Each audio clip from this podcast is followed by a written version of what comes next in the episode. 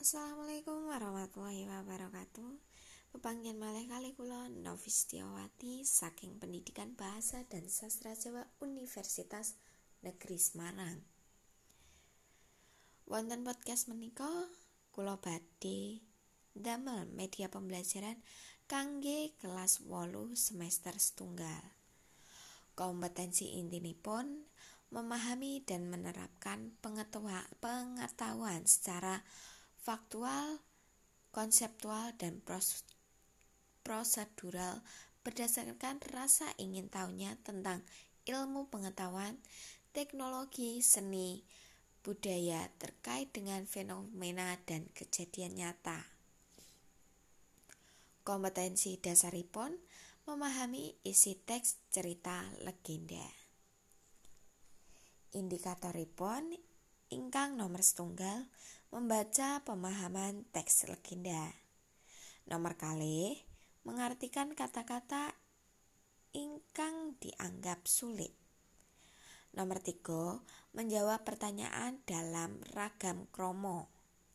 Yang keempat, mendiskusikan isi cerita legenda.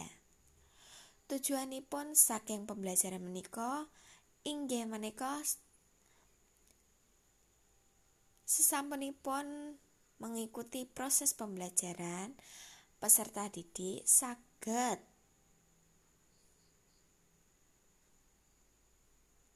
memanfaatkan LKS, Google, dan Web utawi WA Group.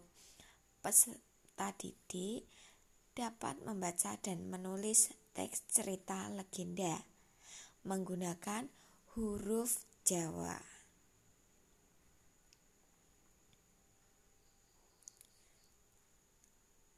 Carios legenda utawi wonten bahasa Indonesia cerita legenda.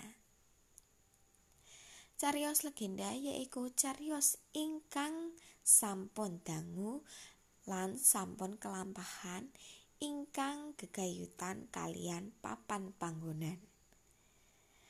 Carios legenda menika mlebet wonten cerita rakyat. Carios legenda menika ugi sabut sampun saged dipun sebaraken ngangge awujud seratan lan omongan utawi tuturan ingkang dipun tuturaken turun temurun saking nenek moyang.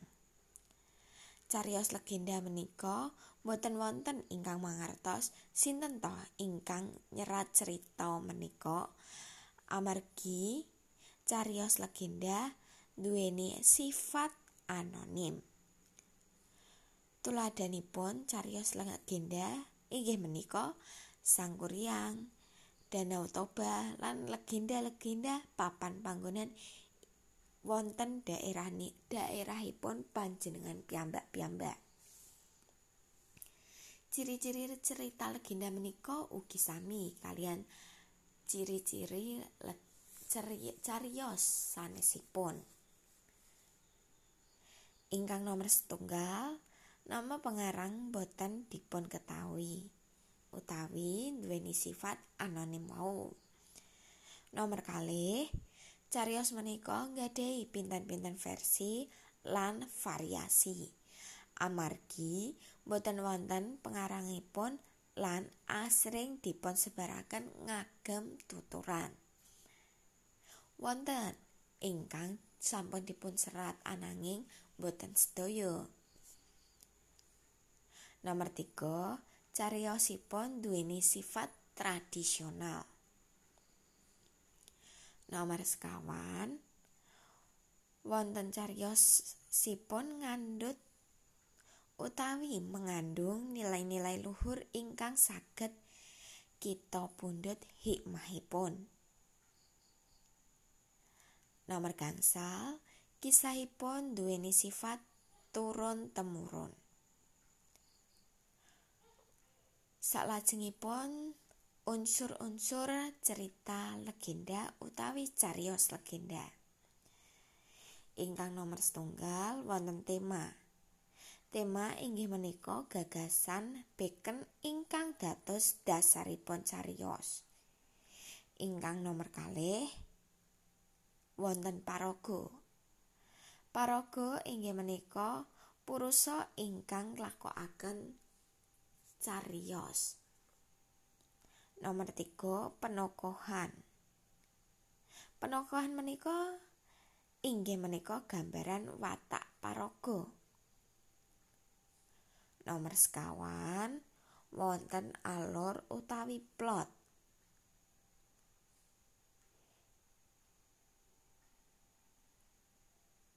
Alur utawi plot menika rerangkening cariyos ingkang kadhapuk kanthi logis.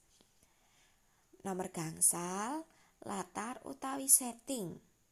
Inggih menika panggenan wekdal utawi swasana kadadosanipun prastawa ingkang salebetipun cariyos.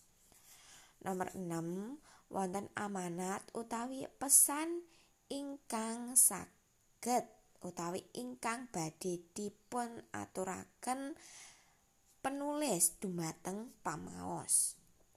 Nomor pitu inggih menika wonten sudut pandang. Sudut pandang inggih menika posisi pangripta wonten ing cariyos. Pangripta saged dados purusa kapisan paraga utama. Utawa utawi orang pertama pelaku utama.